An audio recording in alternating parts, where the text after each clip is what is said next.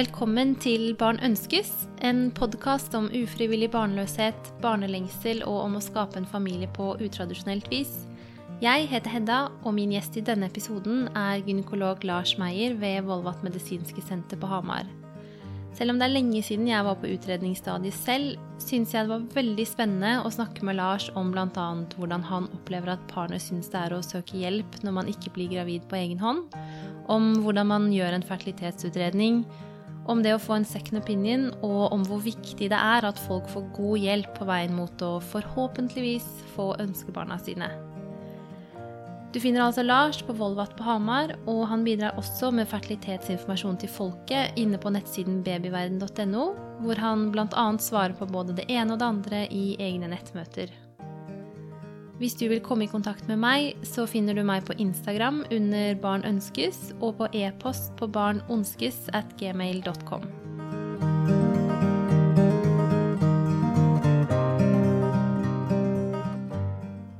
Hei, Lars. Velkommen til Barn ønskes. Takk skal du ha. Vil du begynne med å fortelle litt om deg og det du jobber med? Ja, jeg kaller meg selv en uh, generalist. Jeg er gynekolog og har vært det i mange år. Uh, jeg holder jo på med det som gynekologer flest uh, holder på med. Poliklinisk virksomhet. Jeg har jobbet på sykehus før, men det er en stund siden. Så nå opererer jeg ikke noe lenger, og jeg tar ikke imot barn lenger. Men jeg møter jo mange som er gravide, og mange som har et barneønske, og mange som er nysgjerrige på Ja, vil vite om de lett kan bli gravide. Eh, og så driver jeg jo med eh, damer i alle aldre, for å si det sånn, med de som har generelle gynekologiske problemer, de som har uh, aldersbetingede sykdommer, de som har fremfall. Gjør mye ultralyd av gravide, både tidlig og sent. så er jeg veldig opptatt av å hjelpe par som ønsker seg barn, til å få det ønsket oppfylt.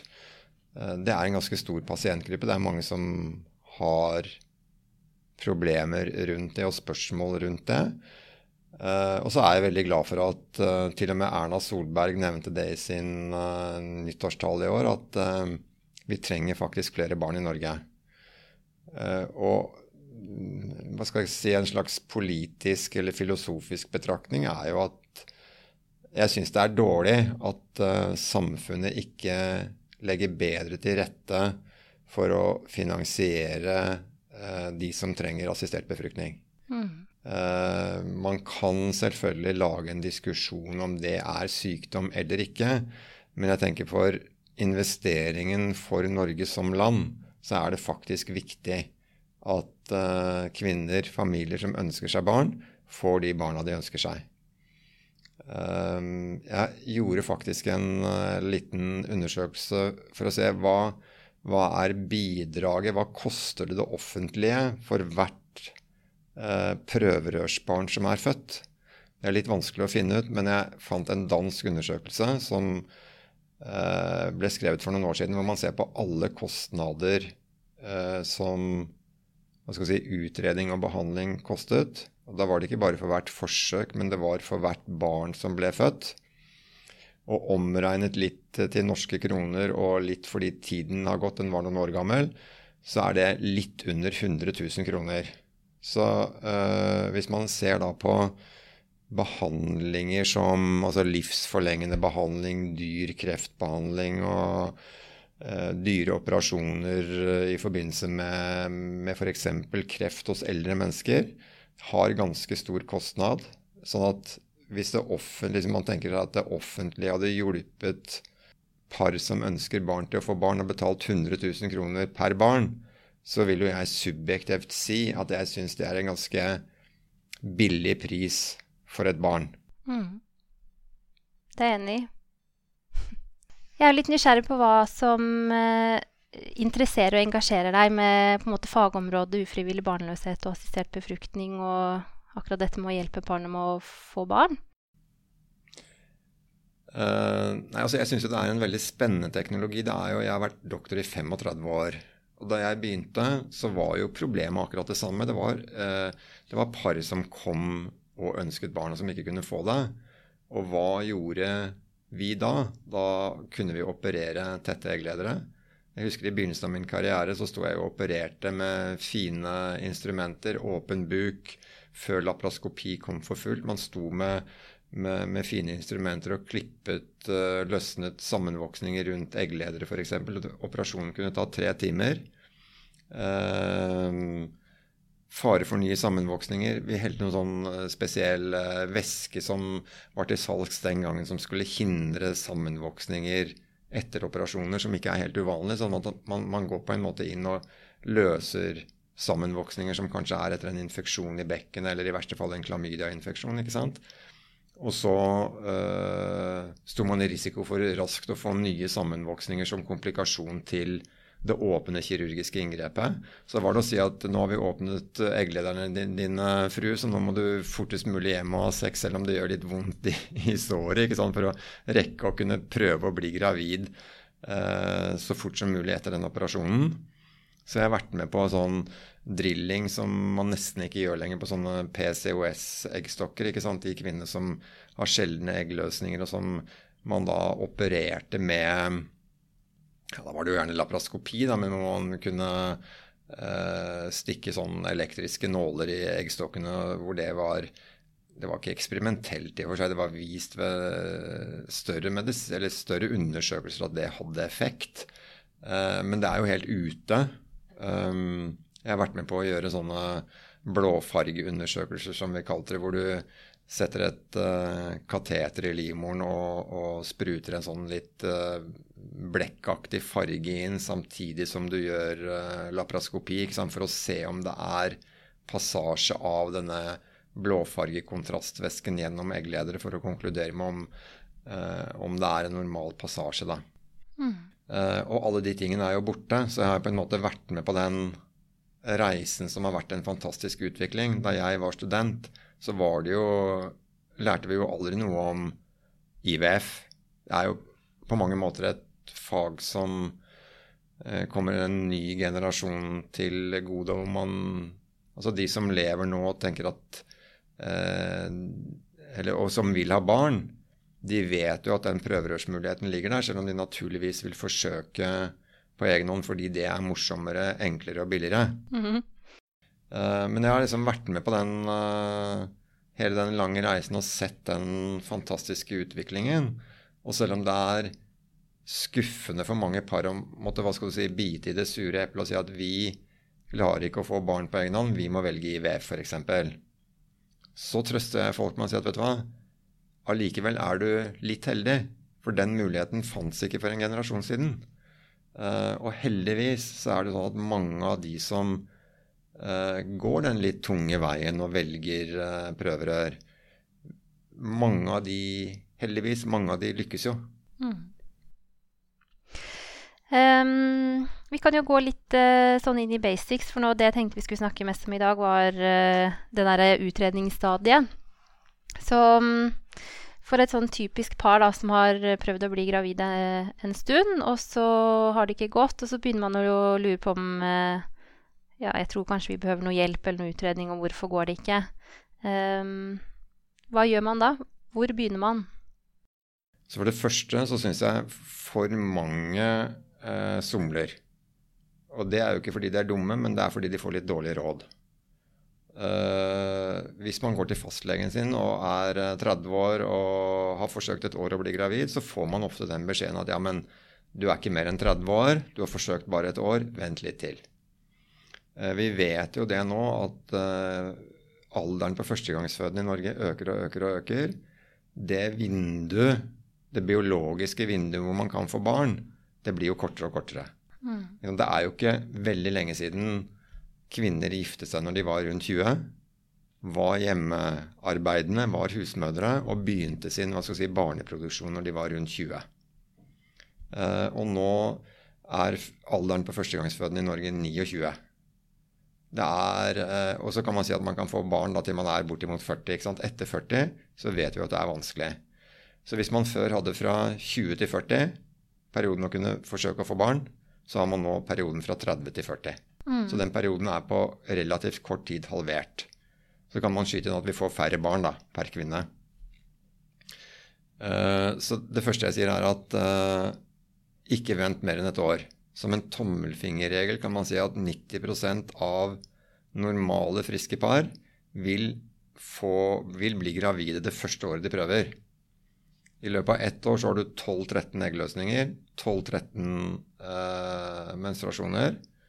Eh, hvis man lever sammen og det er sånn at den ene ikke er pendler og er på Nordsjøen eh, halvparten av gangene man kan prøve, men at man faktisk har hatt et helt år og 12-13 måneder, 12-13 eggløsninger å prøve på, og ikke blitt gravid, da vil jeg starte utredning. Mm. Er det noen som bør starte før det har gått et år? Eh, tja, altså hvis man føler at tiden er i ferd med å renne ut Det er jo mange da som eh, Heldigvis, vil jeg si, som kvinner som tar utdannelse. Og så uh, skal jeg ikke si at de får feil råd av sine foreldre, men det er jo mange foreldre da som er stolte av sine døtre med god grunn. De har tatt god og lang utdannelse. Så har de kanskje etablert seg i et parforhold, og så sier mor og far at Men hør nå her, jenta mi. Vent litt til. Nå er du jo liksom i begynnelsen av din karriere. Nå kan du ikke la mennene på jobben løpe fra deg. Nå må du jobbe to, tre, fire år og ikke liksom gå rett i svangerskapspermisjon. Uh, jeg tenker det er velmente råd, men det er jo ikke alltid fornuftige råd. Hvis man tar en lang utdannelse, er ferdig når man er nærmere 30 og skal jobbe i fem år, da begynner tiden å bli knapp da, for å få de barna man ønsker seg. Så når du spør om at det er, er det noen som skal starte utredning før, så vil jeg jo si at hvis du er blitt 38 år øh, og har forsøkt øh, et halvår og ikke blitt gravid og begynner å få litt panikk, da er det ikke noe veien for å gjøre en utredning. Så at den er ferdig når det har gått et år. Det er jo ikke sikkert at Eh, det er fornuftig å henvise til behandling, men det er jo ikke noe i veien for hvis paret selv vil å gjøre den utredningen. Den tar ikke lang tid, den er ikke smertefull, og den er ikke kostbar. Mm. Så, så, jeg vil si at jeg anbefaler alltid, hvis det er gått et år, å utrede. Hos noen så, som har et sterkt ønske om det hvis alderen begynner å bli høy. Så ja, gjerne utredning før det er gått uh, et år. Mm. Hva innebærer en typisk fertilitetsutredning? Hva ser man etter? Altså, jeg tror mange folk har en forestilling om at det er en omfattende og litt vanskelig utredning. Jeg pleier å si det så kort som dette. Det er tre ting man må vite. Har kvinnen normale hormoner, normal eggløsning? En kvinne som ser ut som en kvinne, og som menstruerer regelmessig, da vet man jo at hun har uh, regelmessig eggløsning. Men vi pleier å ta hormoner. Vi pleier å ta Eh, stoffskiftehormoner og sånn litt av formelle grunner. Vi pleier å måle det som heter AMH, som er en refleksjon av eh, eggstokkreserven. Hvis man eh, senere skal gå for prøverør, så vil gjerne de fertilitetsklinikkene vite den verdien, fordi det sier noe om behandlingsmåte og prognose. Uh, altså uh, regelmessig mens er lik regelmessig eggløsning. Uh, hormonprøver, gjøre en ultralyd, se at livmor og eggstokker ser normale ut, se at det ikke er polypper, muskelknuter, hva skal si, fysiske, anatomiske hindringer som kan lage plunder. Eh, så er det en sædprøve av mannen. Uh, se at det er tilstrekkelig antall spermer i en sædprøve, og at de svømmer med Eh, hva skal jeg si, svømmer hurtig nok og målrettet. Eh, så er det én ting som eventuelt gjenstår. Det er jo å se om egglederne er åpne. Hvis man på den ene siden vet at det er regelmessig eh, mens, altså regelmessig eggløsning, og at hormonene er normale hos kvinnen, og det er normale spermier, så burde man jo kunne bli gravid. Men en forutsetning er jo at minst én av egglederne er åpne. Man blir jo gravid med én åpen eggleder. Hvis man har fjernet en eggleder pga. en graviditet utenfor livmoren f.eks., så kan man jo ha litt færre muligheter per år til å bli gravid, men man kan jo bli gravid gjennom den ene egglederen. Noen er jo så uheldige at de har hatt en um, infeksjon i bekkenet, en klamydiainfeksjon. Det er jo en av grunnene til at man er bekymret for klamydiainfeksjoner og vil, vil behandle det hos unge mennesker, fordi at det, i ytterste konsekvens så kan det gi eh, sammenvoksninger i egglederne og tette eggledere som gjør at et egg og en sædcelle ikke kan møtes. Mm. Um, jeg gjør, eller vi gjør her, innimellom kontrastundersøkelse av eggledere. Det er også en undersøkelse som har si, forandret karakter de siste årene. Før var det en, eh, som jeg nevnte innledningsvis, en kontrastundersøkelse som ble gjort i narkose. Så kan man gjøre det med en vanlig røntgenkontrast eh, med en røntgenlege på et sykehus. Eh, men nå har man mer og mer gått over til å gjøre det med en ultralydkontrast. Så man kan se på ultralyd hos gynekologen sin eh, på ultralyd om den kontrasten passerer egglederne som tegn på at egglederne er åpne. Det går, uh, gir som regel en veldig greit svar. Det er litt ubehagelig, men ikke smertefullt.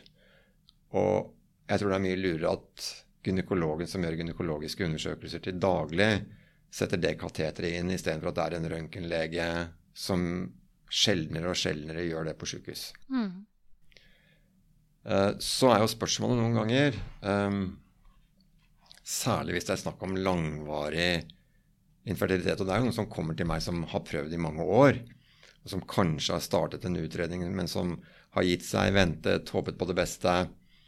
Så hvis man er f.eks. 37 år, ikke har noen barn og har forsøkt i tre år å bli gravid, hvis hormonprøvene er normale, hvis du har regelmessig mens, hvis man på ultralyd ikke finner noe galt, og hvis mannens spermer er fine, skal man da gjøre en kontrastundersøkelse? Er det noe vits å utsette kvinnen for det? Så konsekvensen, etter min oppfatning, blir ikke så stor. Hvis de egglederne er åpne, skal jeg da si til det paret gå hjem og prøv et år til? Nei. Hvis de egglederne er tette, da er det IVF uansett. Så jeg tenker resultatet da hvis det er snakk om langvarig infertilitet og normale prøver ellers, er det da noe vits å kaste bort tid, penger og bekymring på å gjøre en sånn egglederundersøkelse? Så jeg har begynt mer og mer å hoppe over det, fordi det for mange ikke får så stor konsekvens. Eh, enden på visa blir gjerne det samme uansett hva den undersøkelsen vil vise. Og det er henvisning? Det er henvisning. Og jeg henviser veldig mye til St. Olav. Eh, og de aksepterer jo en henvisning uten at den undersøkelsen foreligger. Mm.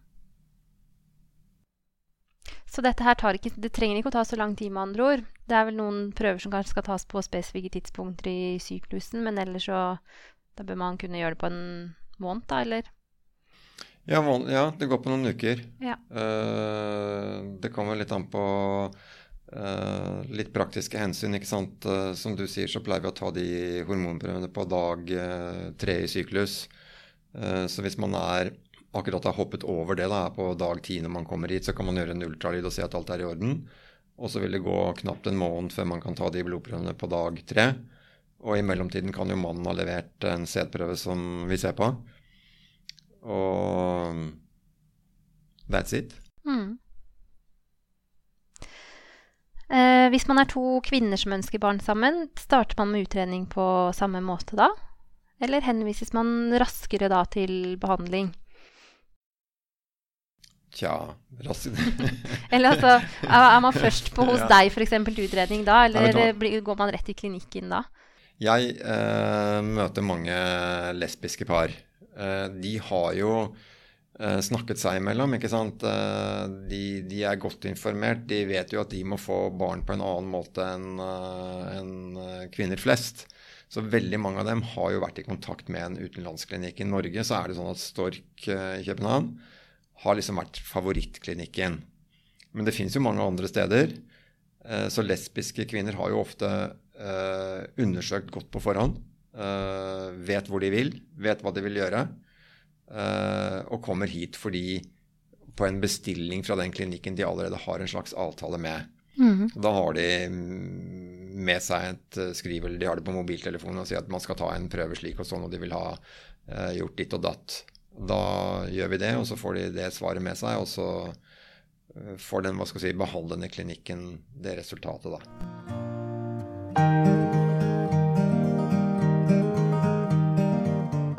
Hedda her med en liten redaksjonell anmerkning.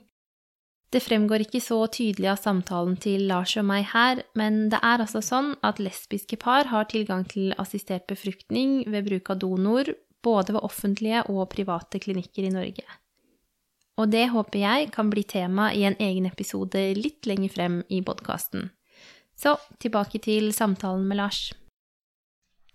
Hva med enslige kvinner som ønsker barn? Blir det litt det samme? At de, for det er jo noen som velger å reise til Danmark f.eks. For, for å få et tilbud om donor der. Og da er det kanskje det samme at de har allerede vært i kontakt med klinikk vanligvis.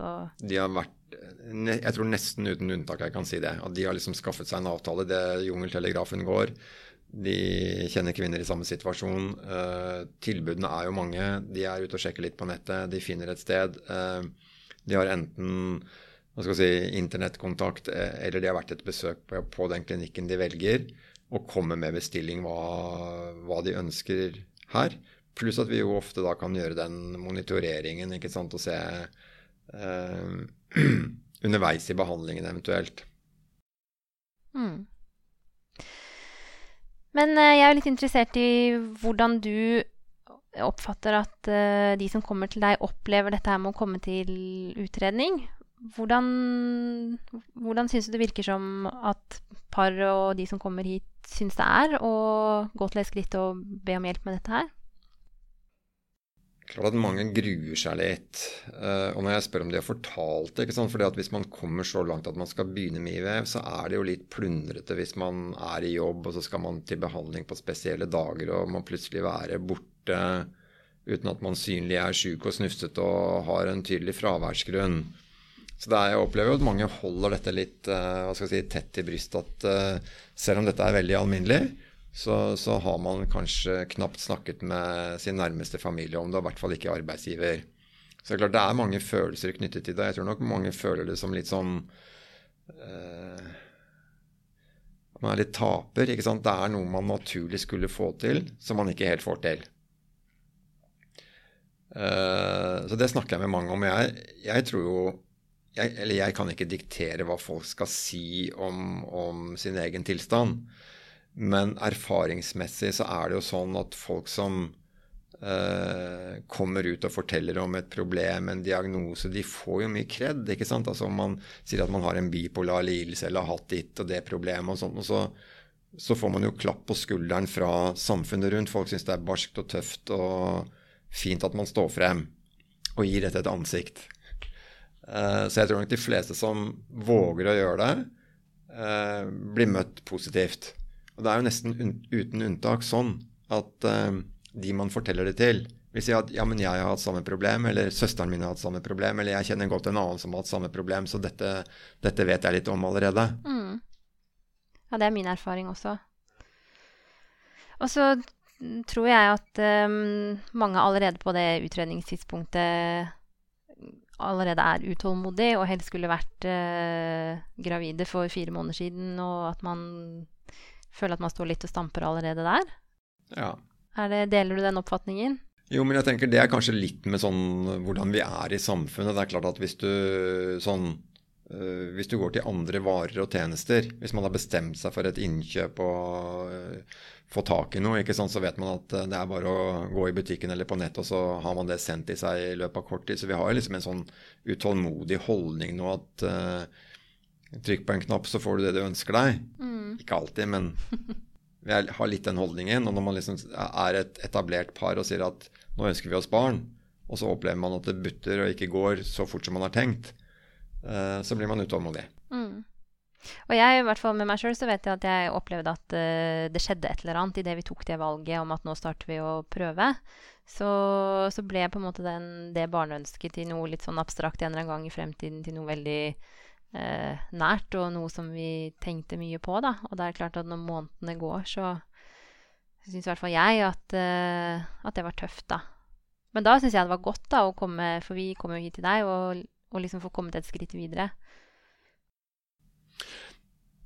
Nei, men også tror jeg jeg tenker sånn eh, Hvis man sammenligner med andre ting i livet altså Uløste problemer for oss er jo sånn som går og gnager litt. ikke sant? Altså, man blir minnet om det. Man har en, det kan være en uh, Om det er en konflikt, om er om, man er redd for en sykdom, om det er eh, et problem i livet man ikke helt får løst, så blir det tilbakevendende. Man går og kverner på det. Man eh, våkner med det problemet i hodet, og man legger seg med det problemet på kvelden i hodet. Og det tar eh, på en måte litt uh, hva skal si, livsglede fra en, og det, det tar konsentrasjon bort fra andre ting som man egentlig burde tenke på. Fordi at dette her liksom hele tiden klikker inn og sier at ja, men barn, vi skulle jo hatt barn, nå haster det.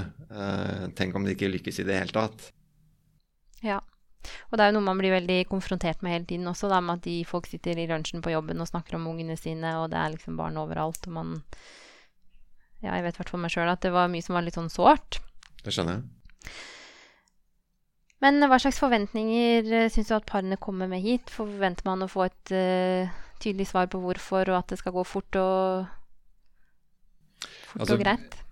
Uh, vi gjør dette så mye at vi har et uh, hva skal jeg si, jeg vil si nesten skreddersydd opplegg. Jeg tror folk blir litt overrasket over hvor enkelt det egentlig er. Vi gjør jo dette ofte på én konsultasjon. altså Folk er her en halvtimes tid. Uh, vi forklarer, bestemmer hva som skal gjøres. Vi gjør ultralyd, GU med celleprøve. Man får rekvisisjon på de blodprøvene som er nødvendig å tas. Uh, mannen får en rekvisisjon på en sædprøve. Og da er det som vi sa i sted, at i løpet av fire til seks uker så er jo på mange måter utredningen klar. Og så er jo også veldig mange overrasket over at ventetiden nå er ganske kort. Altså um, Ja, da tenker du på ventetiden for behandling? Ventetid for behandling uh, er kort. Uh, fire måneder i Trondheim i hvert fall. Eh, private klinikker hvis man velger det alternativet. Enda kortere. Så når man først kommer hit, og når vi først begynner å snakke om det, så tror jeg folk blir eh, gledelig overrasket over hvor enkel utredningen er, og hvor kort ventetiden for behandling egentlig er. Mm. En ting som jeg hører, eller har hørt flere si nå i det siste, som har vært gjennom en utredning, ikke her hos deg, da, men andre steder, er at uh, at man fortsatt kan sitte igjen med mange spørsmål, og at man Jeg snakket bl.a. med en venninne av meg som fortalte hun hadde vært gjennom utredning og hadde også vært på forsamtale hos en av de offentlige klinikkene, men hun sa fortsatt at um, At hun liksom satt igjen med uh, en følelse av ikke å ha fått så mange gode svar på hvorfor ting var som det var, eller uh, hva man kunne forvente seg, da. Hva tenker du om det? Uh, jo, jeg tror det er litt riktig, men jeg folk har fundert mye og tenker at ja, er det min skyld? Hva mangler jeg? Man har ikke funnet noe galt på utredningen. Hva kan da være årsaken? Uh, det er jo en veldig stor del av de som uh, ender opp med assistert befruktning hvor man ikke kan sette fingeren på noe spesielt. Man, kan, man kaller det uforklarlig barnløshet. Uh, og det tror jeg man må akseptere. Um, det vil jo sikkert være sånn at fremtiden vil bringe frem noen nye årsaker, om det er eh, antistoffer eller om det er altså hva, hva, kan ligge bak. Hvorfor er det noen par som tilsynelatende er helt normale, ikke oppnår graviditet sammen? Så det vil sikkert komme noen svar og forslag til hva som kan ligge bak, og kanskje noe behandling for det etter hvert. Men så sier jeg, spiller det noen rolle? Du kan fundere så mye du vil over det. Eh, jeg erter folk litt. For, for det at enhver diagnose man får, ethvert helseproblem man har, så blir man naturlig Ja, men hvorfor har dette rammet meg? Uh, hvis en får psoriasis, så kan man si ja, men moren min og faren min hadde jo ikke psoriasis. Hvorfor har akkurat jeg fått det? Og det er det jo ingen som kan gi et eksakt svar på. Uh, barnløshet rammer meg. Ja, hvorfor akkurat meg?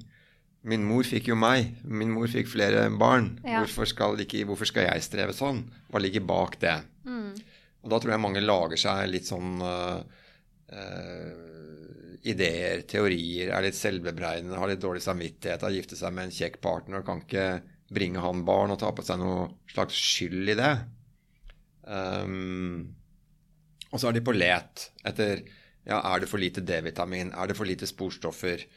Uh, trener jeg for mye? Trener jeg for lite? Spiser jeg riktig? Spiser jeg sunt? Uh, det jeg prøver å si til folk, er jo at har det noen gang ligget bedre til rette for at vi skal bli gravide enn nå? Altså, vi uh, har jo god helse. De fleste av oss lever ganske sunt. De som prøver å bli gravide, prøver å leve ekstra sunt. Eh, det er jo ikke så vanlig med utbredte mangelsykdommer i Norge. Jeg tenker Hvis man ser litt tilbake i tid, hvordan folk levde sånn på landet i gamle dager, som fikk tolv unger etter hverandre. Eh, levde de sunt? Levde de sunnere enn oss? Ja, Man kan si at de kanskje levde mer naturlig, men, men eh, matsituasjonen var mer usikker. Mathygienen var kanskje mer usikker. Eh, de ante ikke om de hadde mangelsykdommer før de begynte å miste tennene og skjørbuk, hadde jeg nær sagt. ikke sant? Altså, men, men, gjennom tidene historisk sett, da, hvis vi ser på, så har jo folk fått barn og barn og barn og barn under helt normale forhold, men ofte under ganske elendige og vanskelige forhold. Eh, på flukt, i fangenskap, eh, i sult. Eh, ja. Så jeg, jeg tror det er lurt at man funderer ikke så veldig mye over det. For jeg tenker at liksom Den biologiske driven til å få barn, hvis man ser litt filosofisk på det og spør hva er meningen med livet, det er jo å få barn. Alt annet er tøys. Vi skal forplante oss for å altså, sånn, Hvis du ser på 'survival of the fittest' og, og sånn, uh, så er jo alle arter har jo tilpasset seg og har uh, liv og vaner fordi det er så viktig å forplante seg. ikke sant? Og når vi sitter her på jorden, så er det jo fordi vi hele tiden tilbake til opprinnelsen har hatt sterke forfedre som har fått barn, fått barn, fått barn, og så sitter vi her som et resultat av alle våre forfedre som har vært i høyeste grad fertile. Og så er det et eller annet som uh, klikker hos akkurat uh, oss da, som gjør at det blir vanskelig å få barn. Uh, og så lever vi den hele tiden at nå kan man faktisk hos de aller fleste heldigvis gjøre noe med det. Mm. Jeg vet med meg sjøl at uh, en av de tingene som jeg syns har vært krevende oppi der, er at jeg er en sånn person som jeg trives best når uh, ting har en logisk årsakssammenheng, og jeg har kontroll på variablene, og jeg kan uh, kontrollere det som, som, ikke er som det skal. Altså en, og sånn er det vel sikkert med all sykdom også, som du sier, at det å Um, det å måtte akseptere at her kan ikke jeg ha kontroll på alle variablene. Jobben min f.eks. så er jeg vant til å finjustere det som må justeres helt til resultatet blir sånn som jeg vil. Men her kan jeg jo ikke det. Og det tror jeg at mange kan synes er tøft, da. Ja, det tror jeg.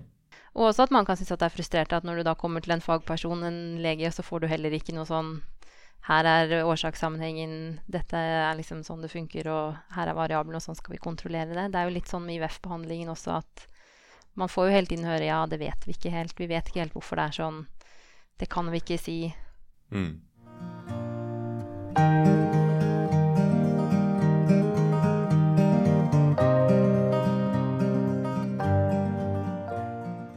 Um, nå jobber jo du i det private og kan jo bare egentlig svare for uh, hvordan dere gjør det her. Men jeg er liksom Når jeg snakker med andre og hører andre fortelle om sin utredning, så, så blir jeg litt slått av hvor varierende tilbud, eller hvor varierende man syns har blitt møtt. Du sa jo f.eks. innledningsvis her det med at man kommer til fastlege og blir sendt på døra igjen med å si 'prøv en stund til'.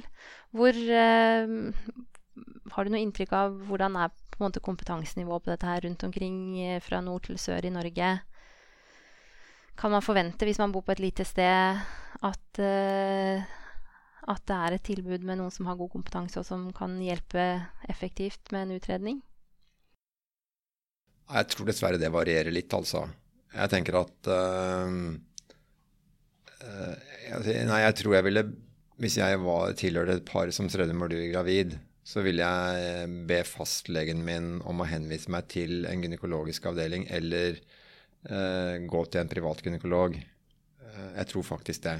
Eh, man kan gjøre en delutredning, ta blodprøver og sånn, men sædprøven må man på en lab eller hva skal jeg si, Fastlegen gjør ikke det. ultralyd, som jeg syns hører med i den utredningen, gjør vanligvis heller ikke fastlegen.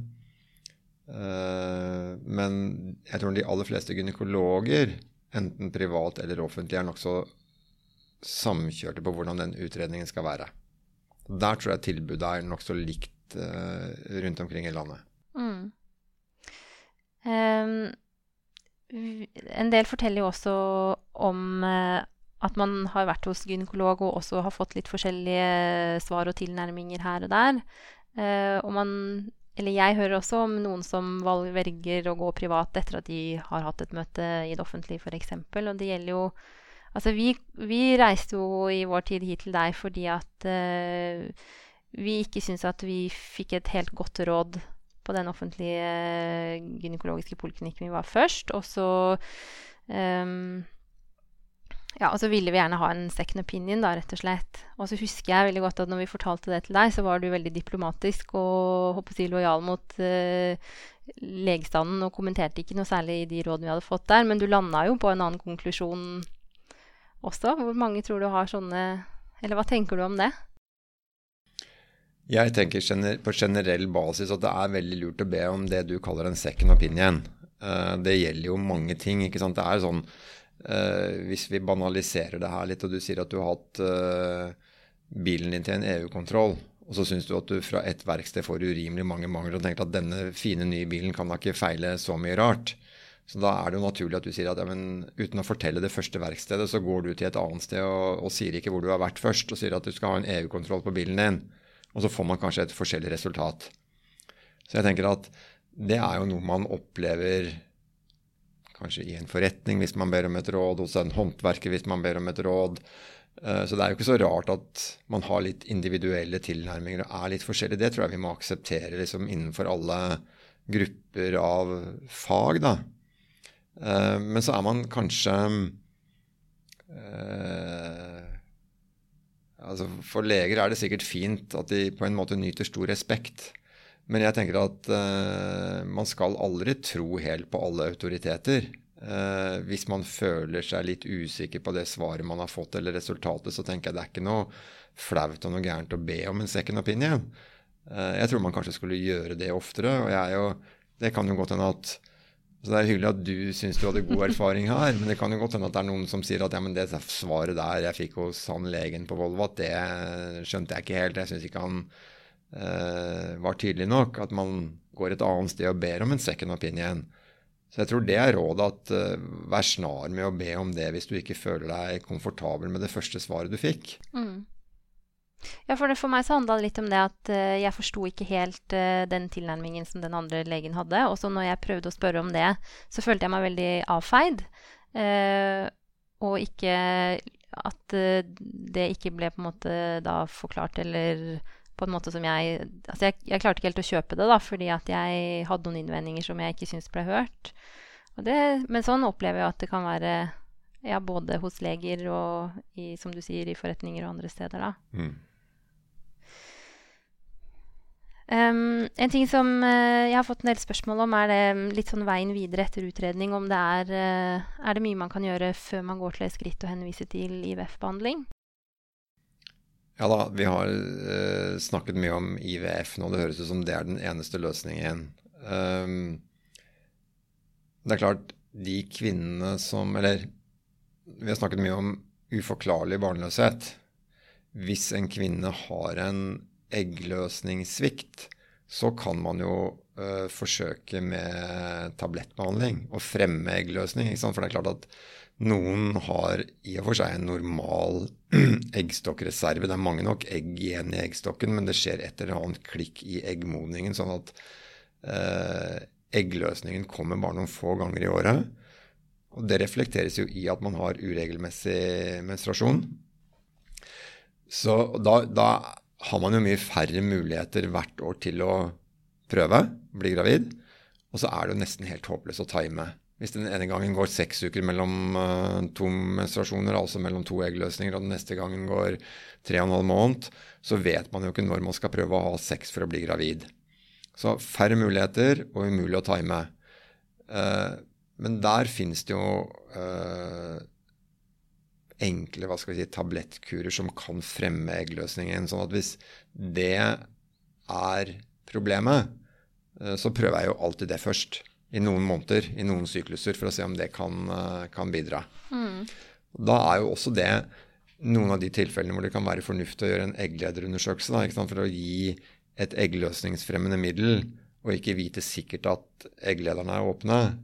Jeg gjør alltid en sædprøve. Det er ikke noe vits å drive og gi eggløsningsfremmende middel til en kvinne hvis hun har en partner uten spermier. Uh, så da gjør vi det.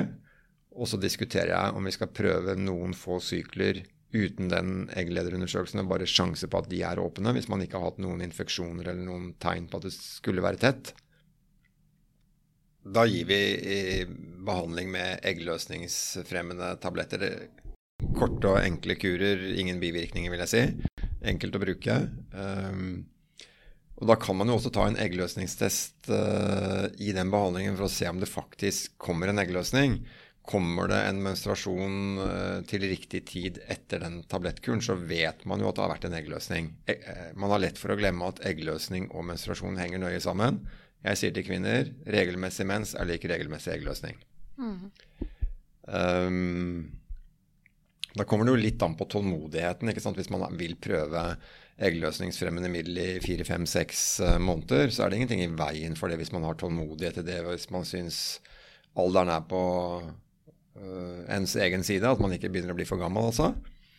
Uh, så det er greit å, å, å, prøve først da, hvis det er en eggløsningssvikt. Og den her type behandling, den, da får man oppfølging her hos deg hvis man går her, eller på den gynekologiske avdelingen hvor man hører til. Da, man, da blir man ikke henvist videre til noe klinikk for den type behandling. Fikser man sjøl hjemme nesten. Det er nesten ikke nødvendig med noen kontroller engang. Nei. Er det noe man kan gjøre hvis det er uh, mannlig faktor? Hvis uh, sædprøven viser noe uh, unormalt, eller er det rett til IVF-behandling da? jeg vil si at det er veldig lite man kan gjøre selv. Det er jo noen tilstander som Altså hvor, hvor, det kan være redusert sædkvalitet en periode, og hvor det kan komme seg. Komme seg.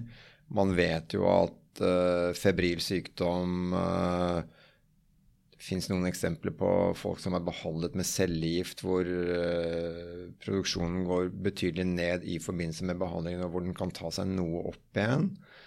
men jeg vil si som en tommelfingerregel hvis det er en mann, frisk mann som har levert en sædprøve med lavt antall og dårlig bevegelse, så reflekterer det en Eh, nedsatt testikkelfunksjon som er mer eller mindre permanent. Eh, noen lurer på om de kan levere en ny prøve, og det kan de godt, men da spiller det ikke så stor rolle om den eh, viser litt bedre eller litt dårligere resultat neste gang. Det er nesten alltid samsvar mellom første og andre prøve. Så har man jo vært opptatt av det og sett at sædkvaliteten over tid, over generasjoner i europeisk befolkning, har gått ned. Ehm, det er man litt usikker på hvorfor. Om det har med livsstil, om det har med uh, hormonhermende stoffer i miljøet.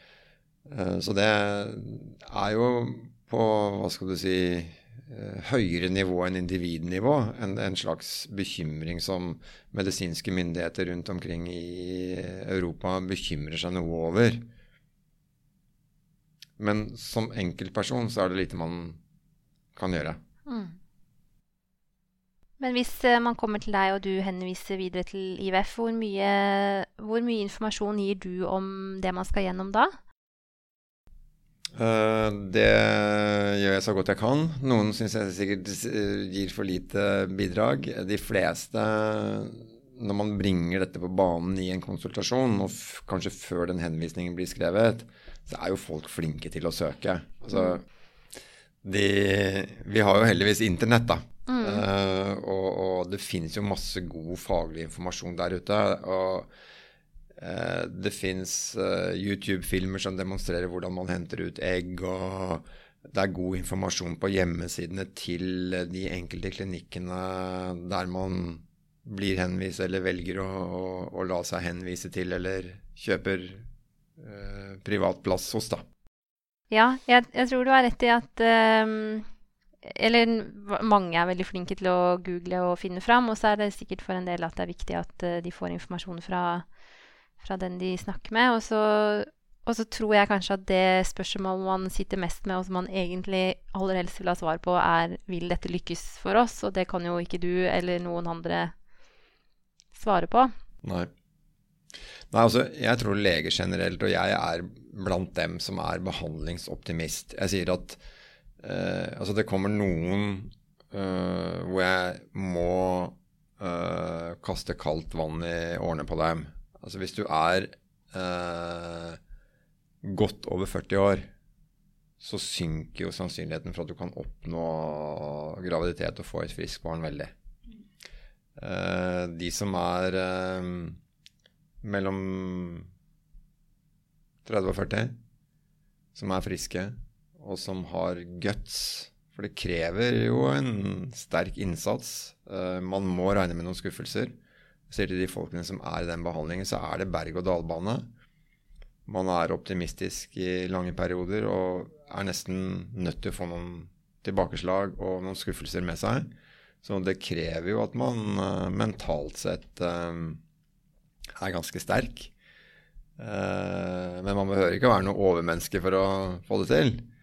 og jeg sier litt sånn at hvis du har en tombola med 100 lodd i, og det er 10 vinnerlodd der, så er det større sjanse for å vinne jo flere lodd du tar. Og det er litt sånn her at uh, et IVF-forsøk som mislykkes Hvis man forsøket i seg selv medisinsk sett, biologisk sett, kan du si, er vellykket, at man får frem egg, man får frem forlikelig, man får høstet egg, men man blir ikke gravid, uh, og får anbefalt fra den klinikken man har valgt, at gjør et nytt forsøk, så vil jeg ha mot til det. Så er det klart at noen møter kanskje den skuffelsen veldig tidlig. ikke sant? Man nærmer seg 40 år, og det er veldig dårlig follikkelmodning, og AMH-verdien er lav. og Når man gjør stimuleringsforsøket, så, så er det bare en follikkel eller to eller tre. Og så får man ut ett eller to egg, og så er det ingen av dem som blir befruktet. Så vil jo det være en skuffelse, men som da også sier noe om prognosen for neste forsøk. Så da, da, blir man jo litt mer i tvil om man liksom skal satse penger og tid på, på å gjøre det. Men, men, eh, jeg sier til nesten alle at jo flere forsøk, jo større sannsynlighet. Mm. Flere lodd, flere vinnermuligheter. Nå vet vi at du følger opp en del som er under behandling, bl.a. på St. Olav, som da tar kontroller og sånn her hos deg, sånn at du har en naturlig kontakt med de. Men hender det at folk Uh, som er under behandling et eller annet sted, og som ikke har lykkes, kommer tilbake til deg for en prat, eller Jeg kan kjenne sånn for min egen del. Da. Nå har vi hatt fem søskenforsøk uten noe negativt uh, Nei, uten et positivt uh, svar. Og noen ganger så kan jeg liksom tenke at det hadde vært godt å, å, sette seg ned med en eller annen som er fagperson, men som kanskje ikke er akkurat klinikken, og snakke litt gjennom liksom, hva er alternativene har det, har det, noen forskjell? Er det sånn at med en gang du er hos en klinikk, så, så er det liksom de som har best kompetanse til å Jeg tror det jeg prøver å spørre om, er eh, Er det aktuelt å be om en second opinion når man allerede er i et behandlingsforløp? Ja, det er, det er det jo noen som gjør. Det er jo noen som øh, av forskjellige grunner skifter behandlingssted. Øh, som har en eller annen intuisjon. Øh, sier at dette var jeg ikke helt fornøyd med. Man kan møte Selv om man henvises til klinikker som er bra, så kan man jo ha en personrelasjon til de man møter som ikke er så vellykket, og si at nei, men dette syns jeg ikke var så greit. Og så velger man et alternativ. Uh, og det er mange som spør meg hva, hva skal jeg velge. Det er, hvis man velger et sted i Norge, så sier jeg at jeg tror gjengs over kvaliteten er god. Dette er et lite miljø i Norge. Kvalitetskravene er ganske strenge. Folk kjenner hverandre og utveksler jo eh, erfaringer med hverandre fra klinikk til klinikk. Selv om noen tror de kan ha en spesielt god oppskrift på et eller annet, så, så er det jo ikke så lenge de holder på den før det da på en måte blir allmennkunnskap. Og så er det jo sånn at eh, den lille gruppen av eh, leger, helsepersonell i Norge som driver med kunstig befruktning, de har vært ett sted, og så skifter de jobb, og så flytter de fra Oslo til Trondheim, eller omvendt vei. Så, så det er jo en, et skifte av arbeidsplass hvor man tar med seg kompetanse lært et sted til et nytt sted, ikke sant? Eh, noen som henter erfaring fra utlandet, noen som hospiterer et sted. Eh, og oppskriftene er jo farlig like. Det er liksom ikke så veldig mye hokus pokus man skal gjøre, kan gjøre. Uh, og De norske klinikkene følger jo stort sett samme oppskrift, selv om man har litt forskjellige medisiner og litt forskjellige preferanser. Um, så er det noen som spør, ikke sant, som har vært i utlandet, som får pøse på mer medisin enn man gjør ved norske sykehus. Som får noen sånn uh, steroider, som får blodfortynnende tabletter, som skal gjøre sånn uh, scratching og skrape litt i livmoren før uh, man setter inn egg osv. Og, så og sånn jeg opplever det, så er jo mange av de tingene kanskje ikke veldig godt vitenskapelig underbygget. Hadde det vært veldig effektivt, så er det klart at norske klinikker ville brukt de metodene. Så jeg tror kanskje det reflekterer litt uh, medisinbruk i de landene. Vi er jo vant til å kunne reise til uh, middelhavsland og gå rett på apotek og kjøpe på resept, uh, nei, kjøpe uten resept medikamenter som er på resept i Norge. Så jeg tror nok vi nordmenn tenker at de er mer legemiddelglad enn vi nordmenn er. At vi er litt mer restriktive, og det egentlig er en sunn holdning. Jeg tror at i hvert fall for min egen del så kjenner jeg at jeg, jeg tenker jo at eh, det er en sunn holdning som vi har i Norge. Og så kan jeg også forstå de parene som eh, allikevel kjenner at Men tenk hvis det hadde fungert for meg ja. med et eller annet som de gjør der som ikke man gjør her, da. Det skjønner jeg. Og så lurer jeg litt på, er det mye man Det går jo egentlig litt på det samme, men er det mye man kan utrede, men som man vanligvis ikke gjør i Norge? Jeg har f.eks. fått spørsmål om ja, utvida hormonprøver av mannen med kontroll av vitaminer og mineraler, og dette med å sende menstruasjonsblod til Hellas og få testa det for sånn bakterier og infeksjoner. Det er jo noen som får noen sånne ordentlige hestekurer med antibiotika. Er det hva tenker, du om, tenker du om det? Er det Det er sikkert veldig varierende hva det er, da, men er det mye vi ikke tester i Norge, som man kunne ha testa? Jeg skal ikke være altfor bastant, men det tror jeg ikke. Jeg tror det gjelder litt det samme svaret som, uh, som jeg ga på altså medikamentell behandling. At, um, altså, uforklarlig barnløshet, multifaktorielt Vi vet ikke nok til å kunne si og sette fingeren på noen noe enkle faktorer. Um, jeg tror det, det, er det beste jeg kan si om det. Mm. Jeg, jeg, tror det tas en del unødvendige prøver. Mm. Uh, jeg tror ikke det har noe for seg bl.a. å sende menstruasjonsblod noe sted. Mm.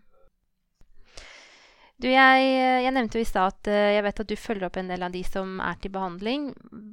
Hvordan, uh, hvordan tenker du når du rundt din rolle i å støtte disse parene som et supplement til den støtten de får på klinikken? Altså, jeg, jeg, jeg, prøver å være så snill og god jeg kan. Uh, og jeg tror folk som kommer hit, føler at uh, jeg faktisk er opptatt av at som jeg sa innledningsvis, at de som ønsker seg barn, de må vi jammen legge til rette for at skal få seg barn. Uh, og så er jeg opptatt av å vise forståelse for akkurat det vi snakket om i sted. Altså den der berg-og-dal-bane-følelsen man er inne i. Fordi behandlingen i seg selv er jo ikke så komplisert. Folk syns dette virker overveldende. De får en oppskrift med sprøyter sånn og har aldri satt en sprøyte på seg selv og sånt. Men, men det er det jo ingen som opplever som noe stort problem. Jeg tror det folk opplever som et problem, det er jo litt den mentale belastningen. Litt at noen ja, nærmest gjør dette i hemmelighet. Så det skal holdes litt skjult. Det er litt vanskelig å stikke fra jobben for, til, til disse timene. Uh, og så er det jo den litt overveldende følelsen når man føler at det er så mye som står på spill. Uh, det er mye som står på spill, for dette blir litt sånn eksistensielt. ikke sant? Jeg og min partner vil ha barn. Det er akkurat nå det viktigste for oss. Så, så, så, det er jo, den prøvelsen er mye større enn dette her med at man skal hente ut egg og ta sprøyter og sånt. Og så tror jeg den der mentale opp- og nedturen, ikke sant? at det er knyttet så mye spenning og så mye følelser til det som gjør at man blir litt rar i huet. Mm. Man blir litt rar i magen med hovne eggstokker og full stimulering også, men det er liksom sånn noe folk fysisk takler. ikke sant? Folk går på jobben og klarer hverdagen eh, som ganske som vanlig. Men det som skjer oppi huet, er det verste. ikke sant? Det er, som jeg sier, det, det, det klikker stadig inn. altså Man sitter kanskje med en arbeidsoppgave, og så kjenner man et lite stikk i eggstokken og tenker ja, nå vokser dette egget, jeg håper det kan bli et barn til slutt. Mm. Uh, det tror jeg er, er eh, det tøffeste. Mm. Og jeg kan jo ikke reparere det, men jeg kan forsøke å vise en slags forståelse og si at ja, sånn er det faktisk. Dette er en uh, en, en tøff reise. Og så er det jo mange som blir ganske fort gravid, og som har egg på frys. For det, liksom er, en, det er en glanshistorie, ikke sant. Jeg har jo et par for ikke så lenge siden som blir gravid på første IVF-forsøk. Har egg i frys. Det er også en revolusjon som vi lett glemmer. da, ikke sant, at Før så var det sånn at overskuddsegg måtte kastes. Mm. Man satte ofte inn to egg. Det ble altfor mange tvillinger med de komplikasjoner det medfører. Både for tvillingene og for mor. Og nå er det jo nesten ikke tvillinger i VF i Norge lenger. Fordi vi har den fantastiske fryseteknikken at overskuddsegg ikke behøver å kastes. Uh, nei, tilbake til det. Jeg hadde et par da som ble gravid på første IVF-forsøk. Så gikk det to år. Så gikk de og hentet et egg som de hadde på frys. Og så satte de inn det, og så satt det første, første fryseforsøket. Mm. Så de har altså to barn med to-tre års mellomrom som egentlig er tvillinger. da. Mm. De er hentet ut fra eggstokken samme dag. Og den ene har ligget eh, nedfryst i et par års tid. Så man må jo ikke glemme de, eh, at det er heldigvis er mange hyggelige og gode historier oppi dette her. Og så er det selvfølgelig da ekstra sårt og trist for de relativt få som ikke lykkes, som gjør mange forsøk, og som føler litt etterpå at de kanskje er nesten litt tapere. Eh, du har tapt litt tid, for du har brukt veldig mye tid og energi i et ungt liv til å prøve å få dette til. Pluss at du føler at du har kastet mye penger ut av vinduet. Mm. Uh, så man må ikke glemme helt at det naturligvis er en stor skuffelse for de. Uh, det er mager trøst for de parene som ikke lykkes, at det er veldig mange som lykkes. Ja. Ja, absolutt. Jeg tror du har veldig rett i det du sier om at eh, det er det mentale og emosjonelle som ofte er vanskelig i den berg-og-dal-banen her. Og jeg, kan, jeg har tenkt en del over at jeg er litt overraska over hvor lite hvor lite det er av den Eller hvor lite funksjoner det er som støtter deg på den måten. I, nå tilhører vi en offentlig klinikk. For jeg husker da jeg hadde kreft, så der er det jo Vardesenteret, og du får tilbud om en sexolog, og det er pasientkoordinator som følger deg rundt i gangen. og et veldig sånn fokus på hva dette gjør med deg som menneske. Også som ufrivillig barnløs så, eller i en eh, behandling med assistert befruktning, så er det litt sånn eh, Nå har vi satt inn egget lykke til. Og så reiser man hjem og er jo overlatt til seg sjøl med å håndtere resultatet og alle tanker og følelser. Og selv om for mange så tror jeg det er en like stor livskrise som om man ble syk. Det er jeg helt enig med deg mm. Uh, dette er en liten digresjon, men jeg tenker hver gang jeg ser på Dagsrevyen eller TV 2-nyhetene hvor det har vært en katastrofe i en norsk bygd hvor to ungdommer i en ulykke er revet brått vekk, som selvfølgelig er veldig trist. Da lager vi en reportasje om det. Kirken er åpen, ordføreren er på Dagsrevyen, og kriseteamet er på plass.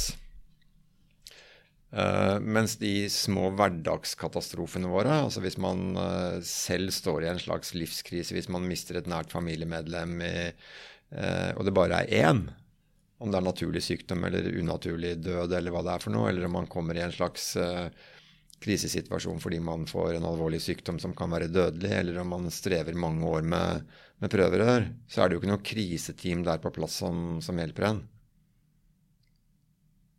Nei. Sånn er det. Det er sånn det er, ja. Mm. Da må man be sine venner om hjelp. Ja.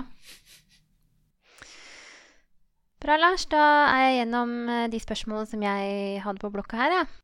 Er det noe du har lyst til å si avslutningsvis? Uh, ja, det var litt det jeg startet med, at jeg syns det er veldig viktig at uh, norske kvinner, norske familier, får barn. Uh, vi har vært vant til å tenke at det å få barn har noe med familien og kjernefamilien å gjøre. Man skal En optimal familie i Norge er mor og far og to barn, helst en gutt og en jente, liksom. Men så tenker jeg at det har noe for bærekraften i hele samfunnet å gjøre. At Eh, vi må, vi må reprodusere oss. Eh, jeg tenker at jeg har som et mål at hver norsk kvinne må få 2,1 barn, for da blir vi like mange nordmenn som vi er nå. Mm. Men det er det ikke sikkert alle er enig i. Nei. Nei, det er jo en stor samtale for en annen episode. det er det. Tusen takk for at du tok deg tid til å være med. Det var bare hyggelig.